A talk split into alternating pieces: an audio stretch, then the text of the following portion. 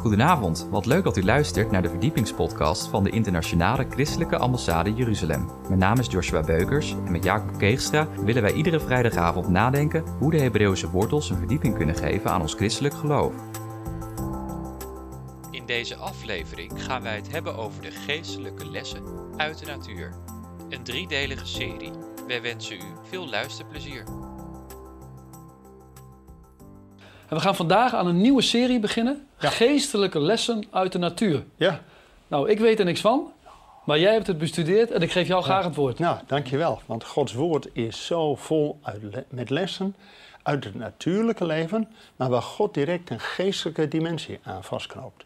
Want direct al na de zonsvloed geeft God aan Noach de belofte dat dag en nacht, zomer en winter, zaaien en oosten niet zullen stoppen totdat. Ja. Totdat uiteindelijk de grote oogst van de inzameling van de volken er is.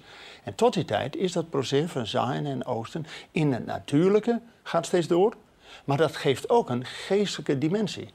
Maar als we al in de Bijbel lezen, Jezus heeft heel veel verhalen, gelijkenissen Ja. met een natuurlijke boodschap. Over de zaaier en over het onkruid en noem maar op. Maar direct met een geestelijke impact. Alleen de discipelen, dus degenen die tot geloof waren gekomen, die hoorden wat ook die geestelijke boodschap is.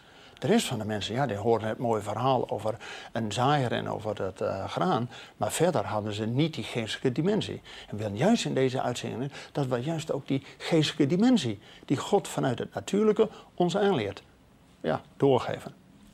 Klinkt hartstikke goed. Ja.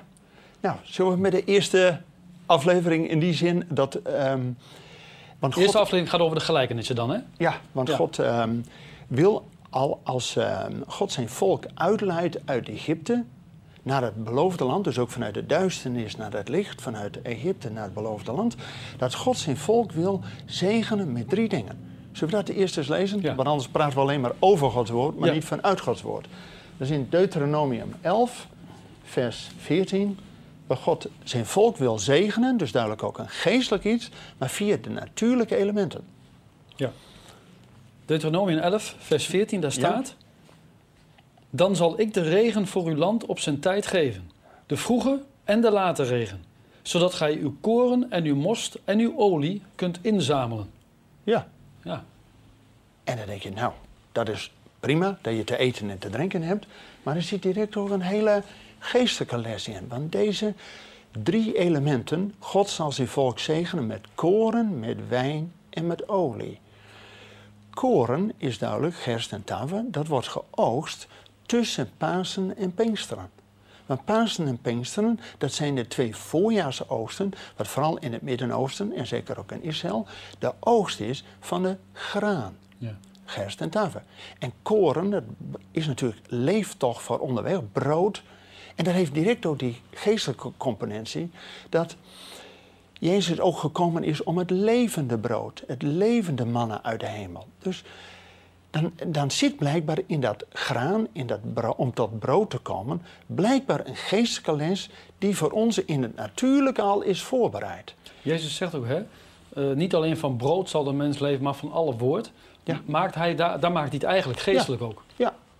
Kijk, en als we dat al zien bij de graankorrel, want op zich eh, dat koren, wijn en olie, daar gaan we het ook deze drie keer eh, met name over hebben. Koren, dat is dus brood en dat is natuurlijk ook direct het zaad. Het, het woord van God is het zaad van het evangelie. Ja.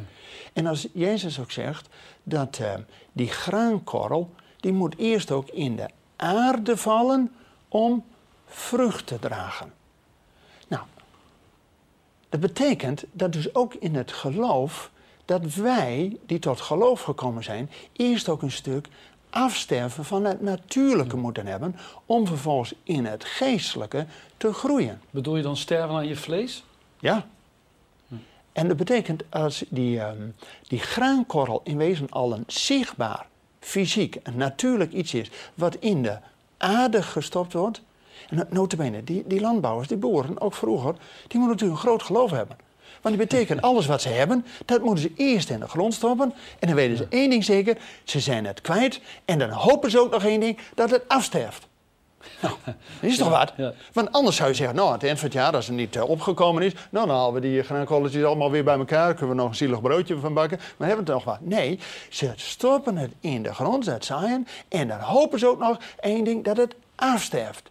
En dan pas door het geloof dat God de wasdom geeft. En de Bijbel zegt ook, in Korinther 3, waar Paulus die zaait, Apollos die begiet, maar God die de wasdom geeft. En in dat proces van wasdom, daar zitten nou weer geestelijke dimensies. Wanneer we die tekst lezen uit Marcus 4, waar staat dat geloofsgroei, dus als je één keer afsterft en dan tot geloof komt, dat je die geloofsgroei wil hebben, dan denk je, oh, direct dat gaan. Nee, dat denken wij, hè? We, we want it all en we worden nou even in grote stappen snel thuis. Nee, ook dat proces van groeien heeft God een bedoeling in. Want dat graan, daar staat eerst de halm, dan de aar en dan de volle koren in de aar. Dus om tot uiteindelijk dat graan te komen, dus het volle koren, is ook een proces. Ja. Dat afsterven hebben we al gehad en dan komt het tot leven. Maar dat groeiproces, ook in het geloof, is dus een kwestie van geduld hebben tot de oogst. Want de landman, zegt eh, Jacobus 5 en 7, de landman moet geduld hebben tot de vroege en de late regen eroverheen gekomen is. En dan pas de oogst. En je kunt maar één keer oogsten. Dus God heeft ook geduld tot de oogst. En dat proces van eerst de halm, dan de aar en dan pas de volle koren in de aar. Nou, en het gaat jou en mij natuurlijk altijd om die 30, 60 en 100voudig. Ja, daar, daar gaan we toch voor, voor die 100voudige vrucht. Maar ook in dat, dat uiteindelijke productie, hè, daar het uiteindelijk om gaat, dat graan, dat koren. Maar om dan van koren ook nog weer brood te bakken, zit er weer een proces in. Dat is als dat graan, dat het één keer geoost is, maar voor je dat kunt eten als brood. Ja, die graankorrels alleen, ja, daar kun je wel op kauwen. Maar ja, dan wordt het misschien kauwgom, maar verder niks. Zit geen smaak aan. Dus om het tot, van graan ook nog weer tot brood te maken, is ook dat natuurlijke weer een voorbeeld voor het geestelijke. Maar moet je maar eens kijken. Dat graan, dat moet dus eerst vermalen worden. Nou, dat heeft alles te maken met dat proces van afsterven. Gewoon vermalen worden. Ja. En dan moet het meel gekneed worden. Dus er komt er water bij. Water is altijd weer een beeld van de doop. En dan pas wordt dat, In de oven gebakken. dus het vuur erbij. Ja. En dat is een beeld van de Heilige Geest. Ja. Laten we eens kijken hoe dat ook in de Bijbel staat. Want in Titus 3, vers 5 staat het proces omschreven. Dat ook God dat geestelijke proces daaraan afleidt. Titus 3, vers 5. Ja, daar staat. Doch na zijn ontferming heeft hij ons gered door het bad der wedergeboorte en der vernieuwing door de Heilige Geest. Nou, dus dan zie je al dat ons gered, dus afstemmen aan onszelf, uit de wereld, hup, naar het beloofde land. Maar, maar dan ook, als je door het geloof in Jezus, inderdaad, tot wedergeboorte komt, dan is die doop een afdoen van het oude, dus ook een zichtbaar teken dat je wederom geboren bent. Dus de badwater van de wedergeboorte. Je bent al wedergeboren door het geloof in Jezus. Maar de doop laat zien van jongens, voor iedereen laten we het duidelijk zien, weg met het oude. En dan ook nog de vernieuwing met de Heilige Geest. Dat die vuurproef van de Heilige Geest over ons komt, van dat we in vuur en vlam staan. Want als Petrus eerst ook zo'n, nou ja, natuurlijk iemand, hè, visser met hoop biceps en triceps, maar uit angst voor de Joden zat hij ergens in zijn bovenzaaltje. Maar als je door de kracht van de Heilige Geest, wordt hij tot een krachtig prediker. Dus dan wordt hij van discipel, van leerling die alleen maar gevoed werd, wordt hij door een krachtig apostel. Dus dat, die had ook dat proces nodig. Dat hij eerst door het geloof in Jezus ook nog de vervulling, de vernieuwing met de Heilige Geest kreeg. Om tot een krachtige getuige te worden. Nou, dan denk ik, jongens, al die lessen uit de natuur, alleen al van dat brood, Ja. van die graankorrel, zie je dus al drie dingen. Dat dat graan moet eerst in de aarde vallen. Nou, dan ben je het natuurlijke leven ben je kwijt. Het natuurlijke is weg. En dan hoop je maar, en een beetje heb je geloof voor nodig, dat God het laat groeien. En dan dat proces van groeien, Marcus 4. Eerst die halm, dan de aar, dan de volle koren in het aar. Dus voordat je uiteindelijk een keer vrucht hebt, ben je een on eind onderweg. Maar met dat goede, jij, jij hebt het Ja. over goede. Maar daar heb je dan, denk ik, zelf ook een belangrijk deel aan. Want je moet wel in het woord gaan. Ja. En met de dingen van God bezig zijn. Hè? En, en Ja. kennis vergaren over hoe het precies wer- werkt. Ik hoorde iemand die zei van, kijk, het eh, woord van God is als het zaad. Maar de Heilige Geest is de regen, de dauw die nodig is om het te laten groeien. Ja. Maar ook, en nou komt jouw vraag, wat is onze aandeel? Juist door te bidden, dat is in wezen de pokon of de kunstmest die het ook nog meer, meer in harde laat groeien. Dus God kan het allemaal alleen. Het woord van God is het zaad van het evangelie. Ja. Heilige Geest als de regen, de dauw die nodig is om het te laten ontkiemen. Maar als we meewerken, bidden en vasten, dan is de kunstmest die het wat harder laat groeien. ja. Dus inderdaad, we zijn, God kan het allemaal alleen, maar God wil ons gebruiken om te werken in die oogst. Ja, want een geloof zonder werken is dood. Als wij niets doen, brengen we ook geen vrucht Nee. voort. Maar dat betekent ook, die landman is ook iedere keer bezig. Want die tegenstander van God gaat er natuurlijk om, om die oogst onderuit te halen. Want we hebben het gehad over, God gaat er deze weg van door de dood naar het leven. Ook Jezus, het natuurlijke lichaam werd gezaaid en de geestelijk lichaam werd geoogst. De opstanding is heel duidelijk. Ook Jezus moest door de dood heen tot het vernieuwd, verheerlijk lichaam. 1 Korinthe 15. Maar dat betekent dat die Satan, die is natuurlijk altijd weer bezig om dat geestelijke component onderuit te halen en de vrucht weg te doen. Niet voor niks dat in de Bijbel worden we gewaarschuwd tegen dat dolik, het zwarte graan. Of gelijkenis, als we het toch over de gelijkenissen hebben, want de gelijkenis van de zaaier is de ene kant, maar we hebben ook de gelijkenis van, de, van het onkruid. Die is niet zo populair, moet ik zeggen. Want eh, we gaan natuurlijk altijd voor de, de winst, en voor de, eh, voor de oogst. Maar die tegenstander gaat het altijd om dat onkruid. En die zaait dus dat verkeerde graan erin. Nou, ik heb vroeger bij, op de boerderij veel ook eh graanvelden moeten lopen. En dan met name de wilde tarwe en de wilde haven eruit moeten plukken. Want ja, dat voedt zich ook met de kunstmest. En als dat verkeerde graan, ja, dat verge- geeft uiteindelijk verkeerde opbrengst. Ja. En dat, dat, dat, ja, dat moet je gewoon niet hebben. En niet alleen bij graan, maar dat heb je natuurlijk ook bij alle andere vruchten. Eh, ik heb veel in de aardappels in de tijd gezeten. Als je daar zieke planten hebt, nou, dan moet je niet laten eh, uitbotten. Nee, die moet je eruit halen. Want als dat één keer ziek is, dat verspreidt zich alleen maar. Ja. Als rotte appels en als rotte aardappels. En, eh, Als een eh, soort virus. ja, als een soort virus. Dus met andere woorden, God waarschuwt ons ook dat als wij in de wijngaard van God, daar gaan we volgende keer over hebben, maar ook als landman, dat we geduld hebben, maar dat we wel waakzaam blijven. Hè, eh, waarschuwt ons Jezus iedere keer. Maar ook dat we mee willen werken in het plan van de Heer. Nou, dat betekent ook dat we alert moeten zijn op wat de tegenstander zaait. Ja. Want als de tegenstander één keer het verkeerde woord. Want het geloof is uit het horen van het woord van God. Ja. Maar als we op de radio en tv en internet allerlei andere boodschappen horen. geheid dat dat ook een plekje in de schuilhoeken van ons hart geeft. Ja. En als we dat vrucht geven, laten ontkiemen. daar tijd en aandacht aan bij. Nou, dan gaat dat ook vrucht dragen. En dan verstikt dat het goede zaad. Het is logisch dat de Bijbel, want over geestelijke lessen is soms moeilijk te praten. Daarom geeft God direct altijd lessen vanuit het natuurlijke wat we zien. En we hebben eeuwenlang dat mensen natuurlijk veel in de landbouw werken, want ja, dat had je nodig om En zodat we het ook begrijpen. en te begrijpen.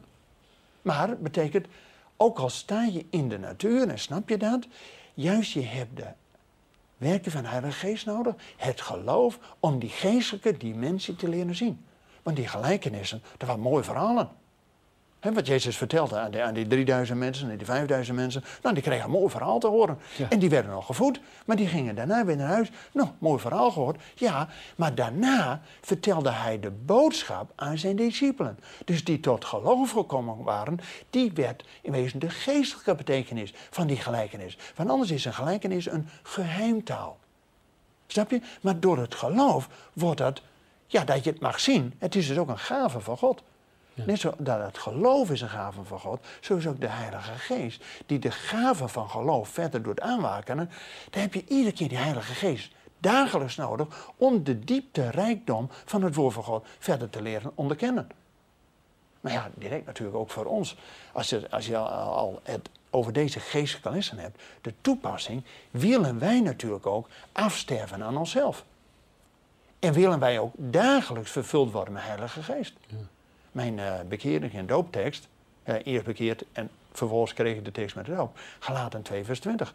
Dat we met Christus gekruisigd zijn en toch leef ik door het geloof van Hem in mij. En dat je het volhoudt door dagelijks ook te vervullen met Heilige Geest.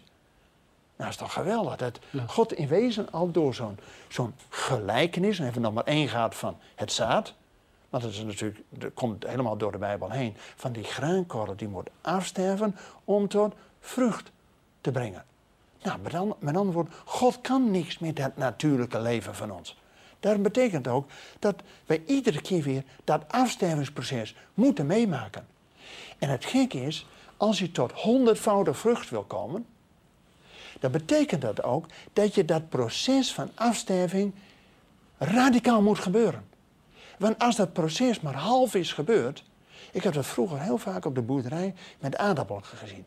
Als je dat poot in het voorjaar en als je aardappel niet goed afsterft, nou dan krijg je maar wat zielige uitlopers en dat geeft maar weinig vrucht. Ja. Maar als die moederknol dus afsterft en zijn kracht helemaal geeft aan het nieuwe leven, nou, dan kan het vrucht dragen. En tuurlijk moet er ook vanuit de aarde hè, de, de, de, de, de kunstmest erbij en de regen van de Heilige Geest moet erbij om werken tot vrucht te komen. Maar als dat afstervingsproces niet goed is gebeurd, dan kun je nooit verder doorgroeien. En dat zie ik helaas ook wel eens met christenen die soms nog, ja, we zijn christen, maar met één been nog half in de wereld. Ja. Nou, dan, kun je, nooit, verder, maximaal vrucht voor. Dan kun je toch nooit eh, verder doorgroeien. Want de Bijbel zegt ook hè, 30, 60, 100voudig. Dus dat heb je eigenlijk zelf in de hand. Kun je dat zo zeggen? Nou, kijk, de Bijbel is ook, als we al het verhaal en het geschiedenis van Abraham, Isaac en Jacob.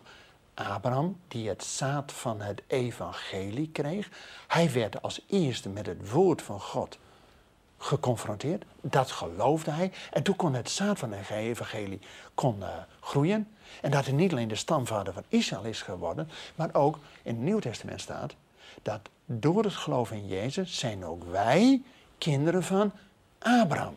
En weet je dat die eerste zoon van Abraham, Isaac, er staat in de Bijbel alleen in het tijdperk van Isaac, dus het tijdperk van de zoon, en we kunnen dat natuurlijk direct ook overzetten naar het Nieuwe Testament. Het beeld van de zoon Jezus Christus. In het tijdperk van Isaac de zoon was het honderdvoudig vrucht. Ja. Nou, wanneer Jezus weer komt, dan leven we niet bij dat zielige 30 en 60 uh, gebeuren. Dan denken we, oh, dat is al heel wat. Nee, dan gaan we voor de volle oogst. Ja. volgens mij hè, want, is het ook nog heel bijzonder. Want volgens mij was in de tijd van Isaac tot hij honderdvoudig vrucht voortbracht, was het ook nog een hongersnood. Ja, dus dat, dat, dat, was eigenlijk boven natuurlijk. Met andere woorden, in de wereld was er hongersnood. Maar bij het volk van God, toen nog maar één persoon, Isaac, was er honderdvoudig vrucht. Ja. Maar God zegent om de rest tot een zegen te zijn. Ja. Dus ook als God ons zegent, vind ik ook zo mooi met deze tv-opnames en internet. Als God ons de boodschap heeft gegeven dat we honderdvoudig, misschien wel duizendvoudig aan andere mensen de boodschap mogen doorgeven. Maar de voorwaarde is wel dat wanneer we tot geloof komen, dan hebben we die openbaring door de Heilige Geest, dat we de geestelijke lessen vanuit het natuurlijke zien. Want anders valt het tegen. Zeg maar, Psalm 23. Nou, die kennen we allemaal, hè? De Heer is mijn herder. Ook zo'n beeld uit de natuur. Ja. En dan staat er ineens van Gij leidt mij in de rechte sporen om uw naams wil. Nou, dat vinden wij als Nederlanders geweldig. Hè? Rechte wegen, hup, hup, van begin tot einde. Een beetje snel, rechtdoor. Maar er staat in het Hebreeuws, God leidt ons in de juiste cyclussen van het leven. Hey, dus niet alleen de cyclussen van de natuur, waar we net bij dus de graankorrel hadden, van het afsterven, dan een cyclus om tot groei te komen van de halm, de aar en de volle koren. En dan ook dat brood, dat ook die cyclus heeft van het malen en dan door het water heen gekneed worden en dan het vuur om het te bakken.